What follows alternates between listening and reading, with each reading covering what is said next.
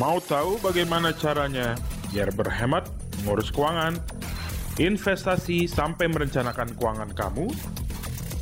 Dengerin aja Financial Talk podcast setiap hari Selasa. Mari kita sambut host kita, Melvin Mumpuni.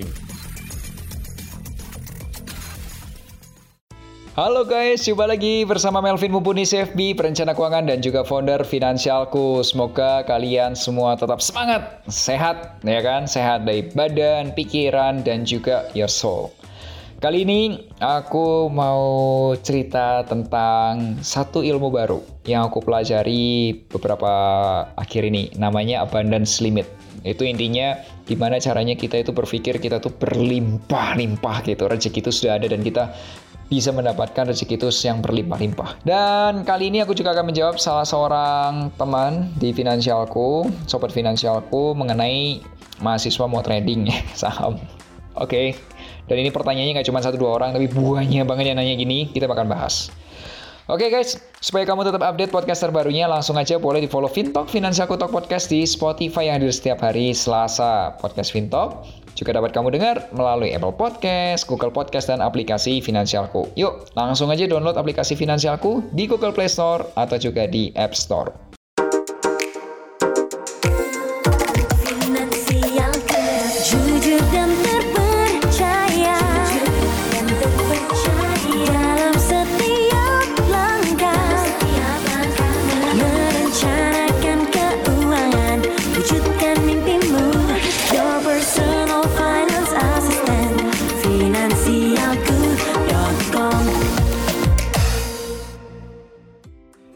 Sebelum bahas lebih detail, Sobat Finansialku dapat mengirimkan pertanyaan atau curhat keuangan melalui fitur konsultasi keuangan di aplikasi Finansialku. Jangan lupa kasih hashtag, hashtag curhat keuangan. Dan pertanyaan ini mewakili beberapa pertanyaan dari mahasiswa yang ingin trading saham.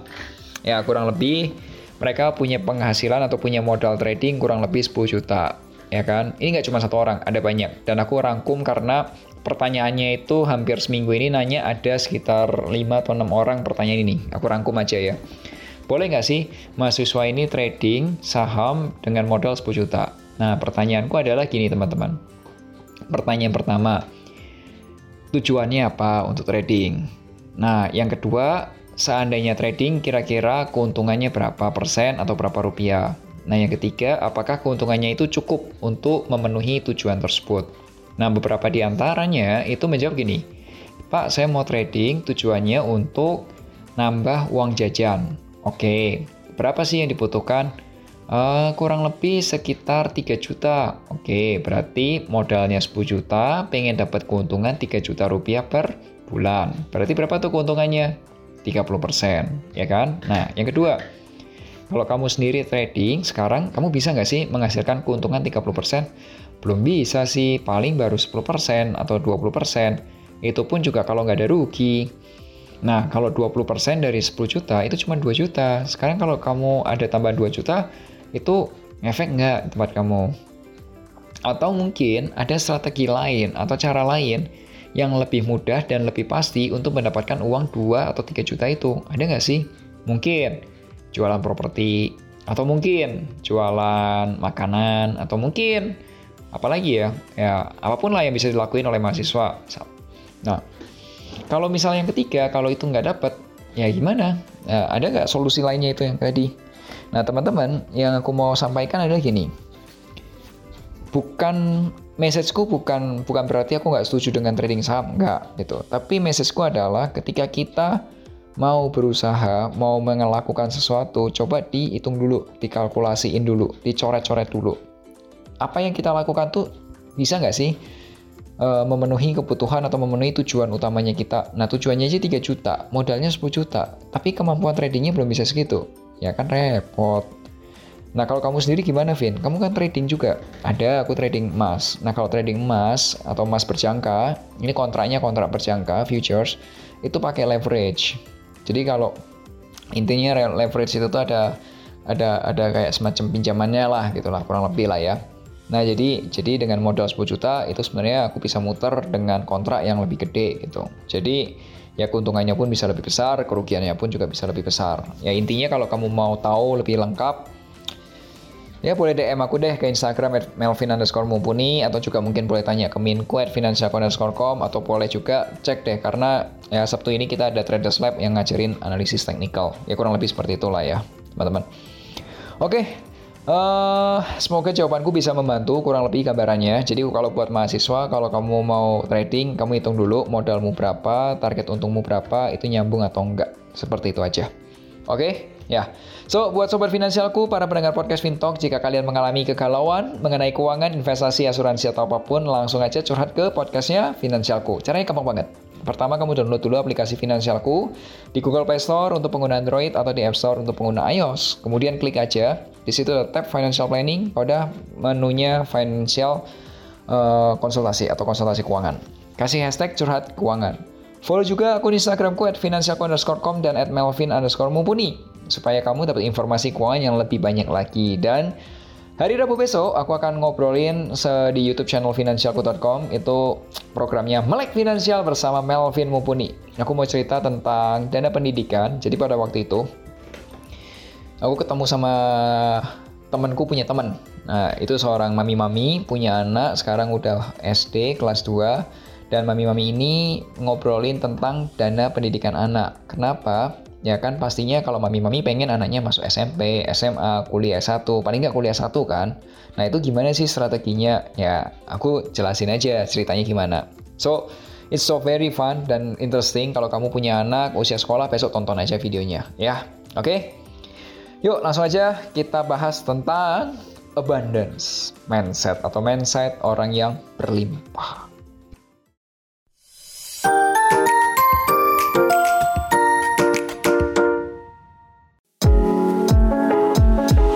Halo guys, kali ini kita akan ngobrol tentang abundance mindset atau mindset orang yang berlimpah gitu.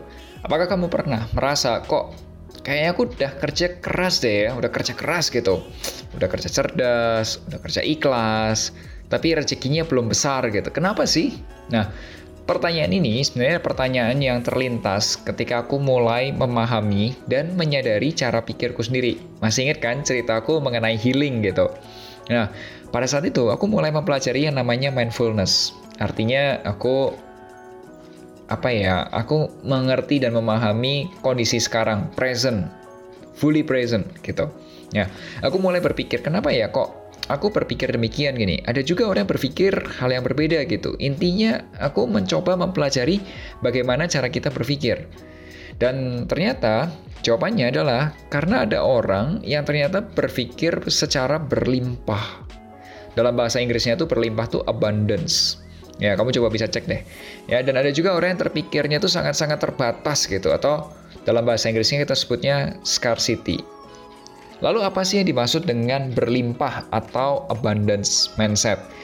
Supaya lebih mudah memahami abundance mindset, aku coba sharing penjelasan salah seorang penulis bernama Grant Cardone. Nah, Grant Cardone ini menceritakan, coba bayangin, kamu, pasangan kamu, dan anak-anak kamu ini sedang bermain di pantai. Anak kamu nih yang paling kecil itu main pasir dan bawa ember warnanya merah. Embernya masih kecil karena tangannya pun juga masih kecil, ya kan? Nah, kamu dan pasangan itu juga nemenin anak kamu main pasir. Kamu dan pasangan masing-masing juga bawa ember yang lebih besar, warnanya biru.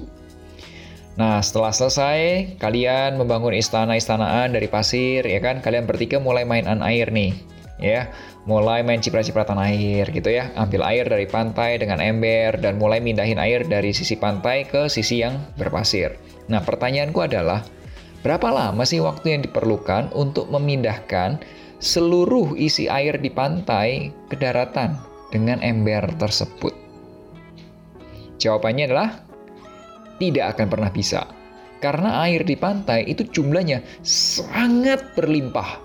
Dan itulah yang namanya abundance mindset. Istilah abundance mindset ini diperkenalkan oleh seorang penulis bernama Stephen Covey pada tahun kelahiranku, tahun 1989, dalam bukunya yang tentang self-development atau pengembangan diri yang sangat legendaris berjudul The Seven Habits of Highly Effective People. Nah, Stephen Covey ini menjelaskan definisi abundance mindset adalah a concept in which a person believe there are enough resources and successes to share with others. Jadi karena saking berlimpahnya rezeki yang sudah disiapkan oleh Tuhan, jadi kita tidak perlu takut kekurangan untuk berbagi dengan sesama. Kita nggak perlu takut kalau kita nggak nggak mendapatkan bagian gitu, atau kita juga tidak perlu takut karena tidak mendapatkan atau ke, mungkin juga kehilangan bagian kita gitu. Intinya berlimpah. Nah lawan katanya dari abundance mindset adalah scarcity mindset. Contohnya gini deh, coba kamu perhatiin tingkah anak-anak kecil di sekolah ada nih ya seorang anak yang baik hati dan mau berbagi bekalnya. Ya ada temennya yang datang kayak, wah enak nih dibagi. Kenapa? Ya karena dia tahu besok maminya juga bikinin bekal lagi, jadi tenang aja. Nah tapi ada juga anak yang nggak mau berbagi snacknya atau jajanannya. Kenapa? Ya karena dia tahu besok belum tentu maminya mau beliin lagi, ya kan? nah, kamu seperti anak yang mana nih? Yang mau bagi atau yang pelit? Yang satu abundance mindset, yang satu scarcity mindset. That's two different mindset. So, anak yang selalu berbagi dari kecilnya itu biasanya lebih gampang memahami dan menjalankan konsep yang namanya win-win solution. Nah, satu lagi, anak yang tidak mau berbagi, ya biasanya kita sebutnya pelit gitu ya. Eh, apakah kamu punya teman yang pelit? Kira-kira siapa sih yang mau berbagi dengan orang pelit? Siapa orang yang mau bantu orang pelit? Eh, mungkin ada sih satu dua orang, tapi nggak banyak kan. Oke, okay, so permasalahan banyak orang di Indonesia adalah kita itu tidak diajarkan untuk terbiasa berbagi atau memberi. Kita tidak percaya sepenuhnya bahwa rezeki itu berlimpah. Kita tidak percaya kalau rezeki itu sudah disiapkan oleh Tuhan. Malah ada orang-orang Indonesia yang menyembah berhala, syirik untuk mendapatkan rezeki. Nah, Lalu apa saja nih bedanya orang yang punya abundance mindset dan scarcity mindset? Yuk kita bahas di bagian berikutnya.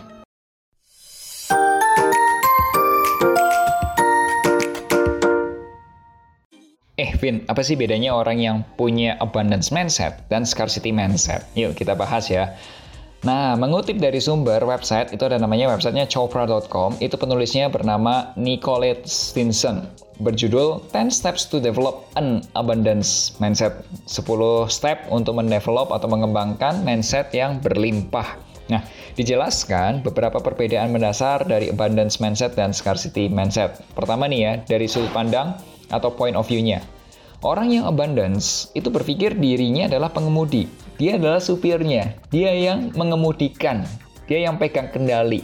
Nah, orang yang scarcity mindsetnya itu berpikir dirinya adalah korban play victim, sering dibully, ya atau mungkin nggak dapat bagian. Ada nggak sih yang kayak gitu? nah yang kedua, dari energi fisiknya atau badannya. Nah kalau kamu ketemu orang yang abundance, itu biasanya relax, tapi tetap waspada, ya kan? Badannya seimbang, nafasnya dalam, mindfulness, atau being present.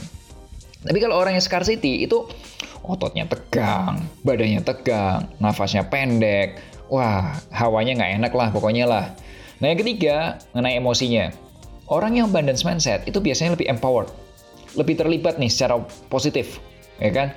Mau berpikir apa yang aku kerjakan, apa yang aku akan dedikasikan akan menjadi sesuatu yang lebih besar daripada diriku. Dia mikirnya gede banget. Memiliki energi yang berlimpah dan menginspirasi banyak orang.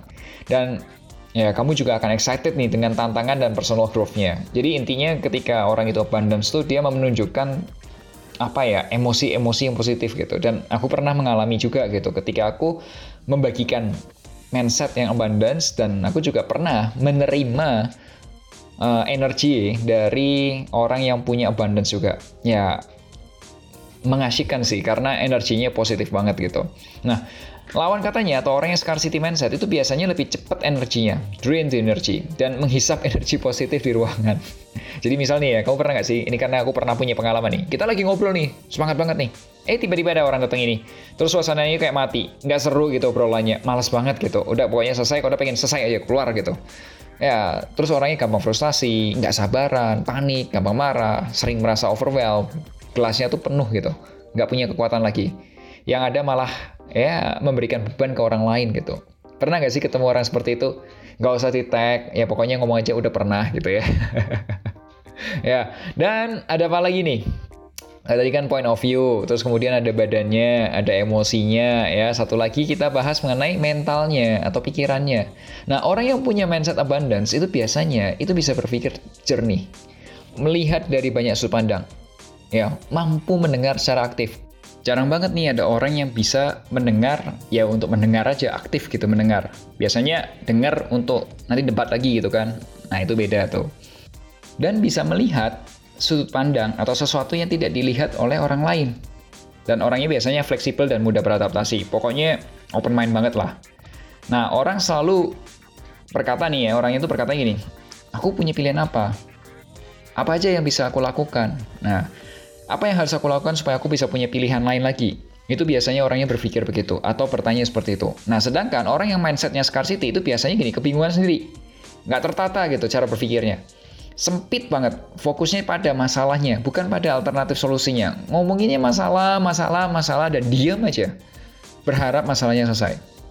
Nah, orangnya selalu mengeluh. Contoh-contoh orang yang scarcity mindset nih ya, aku temuin nih di tempat postinganku. Aku bikin beberapa post itu mengenai cara mengubah pemasukan UMR jadi 10 juta per bulan. Lo tau nggak?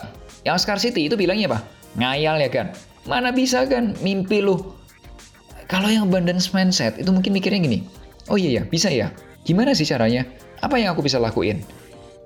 Beda kan? Mungkin buat sebagian orang punya penghasilan 10 juta itu ya oke okay, biasa aja gitu. Tapi mungkin bagian sebagian orang kayak yang belum mencapai ke situ kayak gimana caranya ya? Tapi ada ngayal kali ya. Ya begitulah.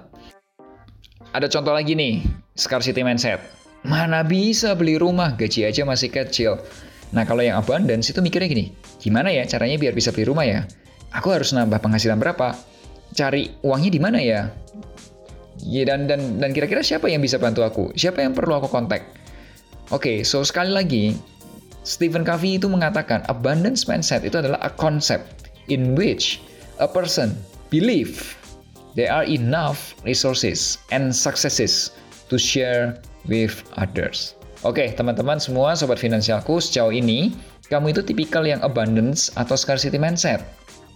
Pertanyaan kedua, Apakah seseorang itu bisa mengubah yang tadinya mindsetnya scarcity menjadi abundance mindset?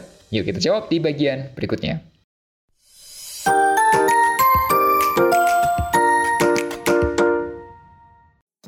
Teman-teman masih di sumber yang sama 10 steps to develop an abundance mindset di chopra.com dan inilah 10 caranya. Satu, mengenali kekuatan pikiran kita. Kedua, belajar untuk bersyukur. Ketiga, Percaya bahwa sky is your limit, alias nggak ada batas. Keempat, berbagi passion, vision, dan harapan kamu. Kelima, mengembangkan diri dan menjadi ahli di bidang-bidang tertentu. Keenam, memilih kata-kata yang tepat. Ya, tentunya kata-kata yang positif atau abundance. Ketujuh, melakukan growth mindset. Dan yang kedelapan, berpikir seperti seorang pemula. Yang artinya mau belajar terus gitu ya. Kesembilan, menyadari hal-hal yang baik. Dan sepuluh terakhir, mengafirmasi hal-hal yang berlimpah. Yuk kita bahas yang bagian pertama, mengenal kekuatan pikiran kita. Langkah awal kita adalah mengenali apakah saat ini kita seorang yang abundance mindset atau scarcity mindset. Ya, kamu perlu jujur loh dengan dirimu sendiri. Jika saat ini kamu belum tahu, it's okay. Coba mulai sadari dulu pikiran dan tindakan kamu. Nah, jika kamu merasa saat ini memiliki scarcity mindset, maka itu langkah awal yang tepat. Karena paling nggak kamu tahu dulu kan. Nah, selanjutnya coba ambil kertas dan tulis apa saja sih yang kira-kira bisa kamu lakukan supaya kamu beralih memiliki mindset yang abundance atau berlimpah. Masalah benar atau enggak, it's okay, tenang aja. Yang penting kamu tulis dulu. Yang kedua adalah belajar bersyukur. Percaya atau enggak nih ya, ketika kita bisa bersyukur atau mensyukuri rezeki yang didapat, maka kita akan menjadi hidup lebih bahagia dan merasa berlimpah. Nah, sesederhana, kita itu bisa memberikan sedekah secara rutin. Beramal secara rutin, bisa bantu kawan, dan yang paling simpel nih ya teman-teman ya, memberikan jalan ke pengemudi lain. Jadi kalau kamu lagi papasan sama pengemudi lain, pencet rem, bukan pencet gas. Kasih orang lain jalan duluan. Coba deh, besok pas kamu berangkat kantor, kamu coba banyak kasih jalan ke pengemudi lain. Hari kamu itu akan menjadi lebih cerah. Entah gimana hari itu jadi hari yang sangat membahagiakan ke kamu. Kok bisa gitu, Vin? Cobain, cobain aja sendiri. Kalau kamu kasih jalan ke orang lain, kamu akan mendapatkan energi positif. Kamu coba lihat deh mukanya. Coba aja liatin. Dan ternyata Oprah Winfrey, kalian tahu kan ya Oprah Winfrey? Itu dalam sebuah show-nya, hmm, Oprah pernah mengatakan bahwa if you look at what you have in life, you will always have more. If you look at what you don't have in life, you will never have enough. Kalau kita melihat segala sesuatu yang kita punya, yang sudah kita punya, kita merasa orang yang berlebih terus. Tapi kalau kita merasa lihatnya, wah kok orang lain bisa beli itu ya, oh tetangga kok bisa beli ini ya, itu kayak kita merasakan kurang, kurang, kurang dan kurang terus. Dan seorang seorang seorang Tony Robbins itu juga pernah mengatakan hal yang sama. When you are grateful, fear disappears and abundance appears. Ketika kita merasa bersyukur, itu ketakutan itu berkurang, kecemasan itu berkurang. Dan kita timbul lah yang namanya abundance mindset. Kita berlimpah gitu. Nah, akhir-akhir ini aku mencoba melatih dan membiasakan diri itu bangun pagi. Ya, sekitar jam 5 pagi dan mulai berdoa kurang lebih ya 19 sampai 20 menit, baca e-book dan mulai gym atau olahraga kecil-kecil lah, tipis-tipis lah ya. Setelah itu mandi air dingin dan mulai kerja. Nah, seandainya ada hal-hal yang berjalan di luar rencanaku, itu aku langsung berpikir it's okay. Aku coba cari pekerjaan lainnya dan puji Tuhan, ternyata ada rencana besar yang sudah disiapkan Tuhan untuk aku. Aku dikasih rezeki lainnya dan itulah caraku selalu mencoba untuk belajar bersyukur. Dan yang ketiga adalah believe the sky's the limit. Jadi gini teman-teman, Aku tuh paling males menjawab pertanyaan orang-orang yang males gerak, mager banget. Kayak gini contohnya. Kak, aku kan masih mahasiswa. Dari mana pemasukannya? Kak, aku kan masih baru kerja. Mana mungkin bisa nyiapin DP rumah? Pertanyaannya tuh simple. Sebenarnya siapa yang membatasi mimpi kamu? Apakah pemerintah membatasi bahwa mahasiswa tidak boleh bekerja? Apakah orang tua kamu? Atau malah dirimu sendiri? Kembali nih ya ke kasus tipikal orang mager tadi nih. Alih-alih cari kesempatan, cari peluang yang ada, itu weekendnya ngapain? Mager, males-malesan, rebahan, nonton YouTube, Netflix, nggak produktif seharian. Padahal nih ya, keluar dikit nih di kompleks rumahnya, itu ada orang yang lagi butuh bantuan kamu untuk jualin rumahnya. Yang kamu lakukan, ketok pintu, foto-foto, input di tempatnya website yang jualan properti, 99.co, rumah.com atau aplikasi lainnya lah, atau website lainnya lah. Bisa kan? Atau ada juga orang lagi cari tenaga kerja part-time untuk bantu kirim-kirim masakannya dia karena lagi rame. Ya kan? Saranku apa? Keluar dari tempat persembunyianmu, ketemu orang baru, cari kesempatan. Main yang lebih jauh gitu loh. Jangan cuma diem di rumah dan gak produktif. That's number three. Believe the sky's the limit.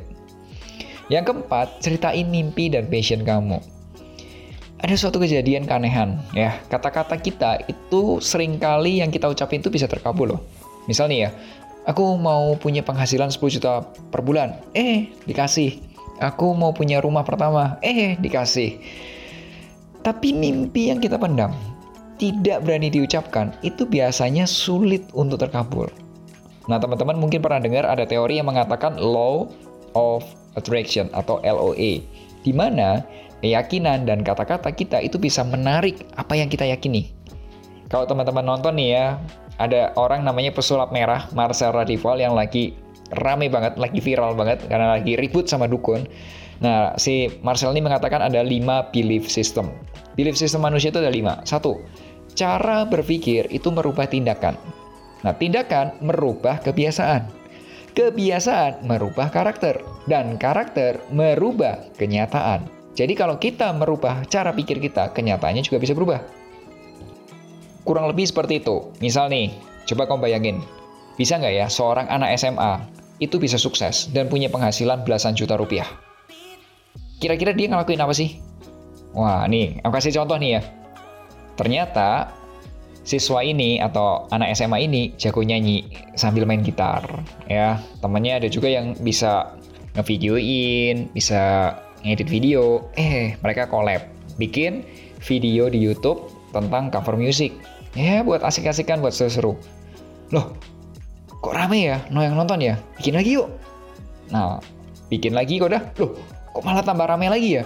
Wah, subscribernya udah nambah nih, bisa dapat AdSense, dapat iklan dari YouTube. Begitu seterusnya, video ketiga, video keempat, video kelima dan seterusnya. Akhirnya dinempel tuh. Udah dia berpikir, wah kalau kalau kita mau lebih rame lagi, kita harus bikin video lebih bagus lagi. Oke deh, gimana caranya?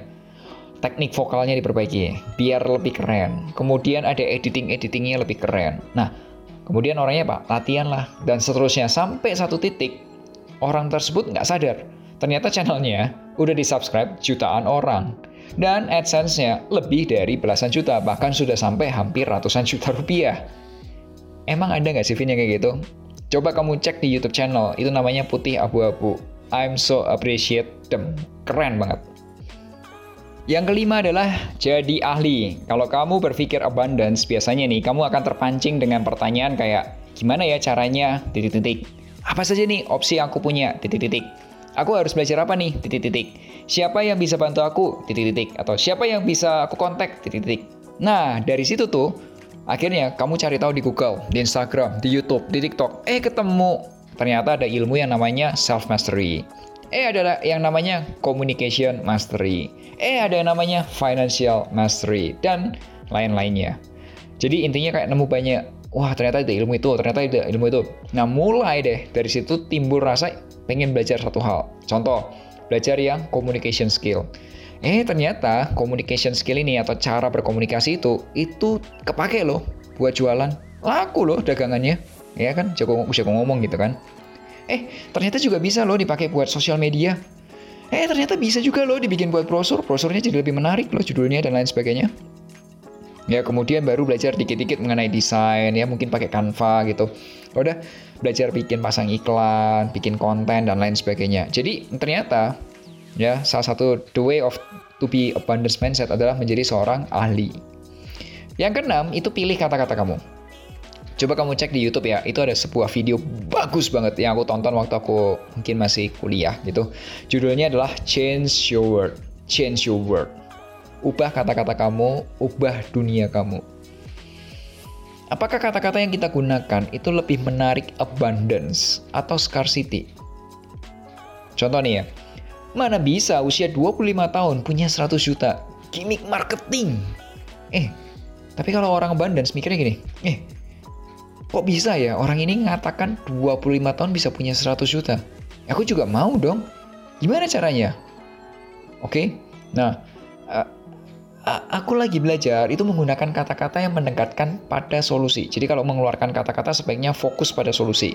Nah, kata-kata yang fokusnya pada masalah itu biasanya udah mulai aku kurangi. Jadi aku juga sedang belajar untuk memilih kata-kata supaya keluarnya adalah mendekati solusi.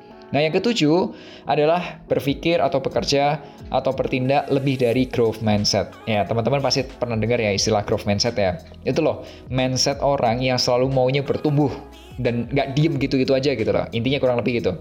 Growth mindset ini itu dikembangin oleh seorang ahli psikolog. Itu bernama Carol Dweck dan dipopulerkan dalam buku berjudul Mindset: The New Psychology of Success. Dweck menuliskan, in a growth mindset, people believe that their most basic abilities can be developed through dedication and hard work. Brains and talents are just the starting point. This view creates a love of learning and a resilience that is essential for great accomplishment. Jadi intinya yang kita punya, kemampuan yang kita punya ya, kemudian uh, itu nggak cuma berhenti di situ, bisa dikembangin. Ya, intinya kurang lebih seperti itu. Nah, sejatinya growth mindset ini bentuknya lebih nyata dari abundance mindset. Ya, kalau kamu selalu berpikir gimana caranya, apa yang bisa aku lakukan, gimana caranya bertumbuh dan lain sebagainya, ya, ya tentunya kamu akan mendekatkan ke abundance mindset. Oke, caranya gimana sih? Gini aja, tulis dulu targetnya. Ketahui kondisimu sekarang ini kayak apa. Oke, kamu udah tahu targetnya, kamu tahu kondisi sekarangnya, udah baru bikin plan menuju ke sananya gimana. Udah dijabarkan dengan action plan, jalankan dan review secara berkala. Dan yang kedelapan, berpikir sebagai seorang pemula. Ya, ya, orang yang memiliki mental abundance itu biasanya selalu ingin belajar dan bertumbuh. ya entah dengerin podcast nih kayak kamu gitu kan ada juga baca buku nonton online course dan lain sebagainya istilah kata ini ya kata Steve Jobs adalah stay hungry stay foolish Cobain aja mulai dari belajar hal-hal yang kamu suka atau yang mungkin sedang kamu sukai, mungkin penasaran juga, dan at the end, semua ilmu itu yang kita pelajari akan saling terkoneksi. Kembali lagi, kalau kata Steve Jobs adalah connecting the dots. Kesembilan, notice the good. Teman-teman, aku mau cerita nih, aku punya kebiasaan buruk karena aku orang yang dulunya reaktif banget. Jadi kalau ada apa-apa langsung uh, panas gitu. Ya, karena selain my personality yang melankolis dan koleris ini, aku memang dibesarkan dengan cara seperti itu. Dan ketika aku mulai menyadari dan berpikir untuk gimana ya caranya bertindak untuk tidak reaktif. Ibarat air ya, kamu bayangin ya air ya, airnya itu besar banget. Tenang banget, seperti samudra yang tenang. Nah ketika aku sudah mulai reaktif, itu hawanya akan mencekam.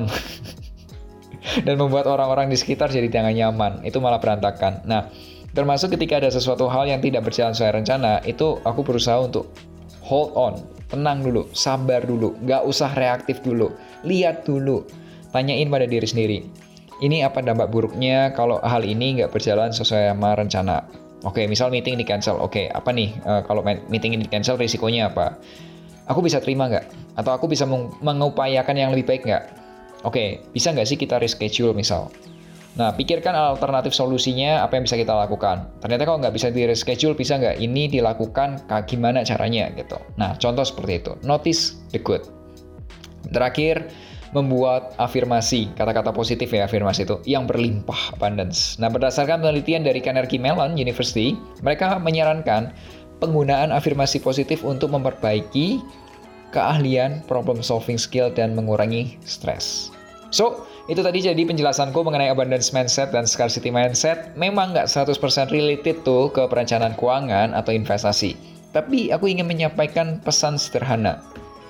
Aku ingin menyampaikan bahwa kita itu tidak ada yang melimit dirinya kita. Ya, jadi kalau yang membuat batasan-batasan itu adalah otaknya kita. Ya, scarcity mindsetnya kita. Nah, kalau itu bisa kita buang dan kita bisa menjadi abundance mindset, kita akan mendapatkan sesuatu yang berbeda lagi.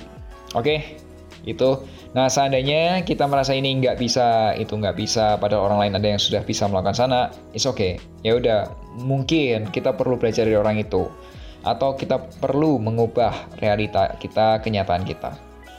Dan teman-teman, sobat finansialku, jika kamu punya permasalahan dalam mengatur keuangan, merencanakan keuangan, investasi, perencanaan dana pensiun atau pendidikan, sini aku coba bantu. Silakan hubungi finansialku di Instagram @finansialku_com atau juga hubungi aku melalui aplikasi Finansialku. Aplikasi Finansialku bisa kamu download di Google Play Store atau juga di App Store. Sampai jumpa di Fintalk episode Selasa depan. Akhir kata, make a plan and get your financial dreams come true.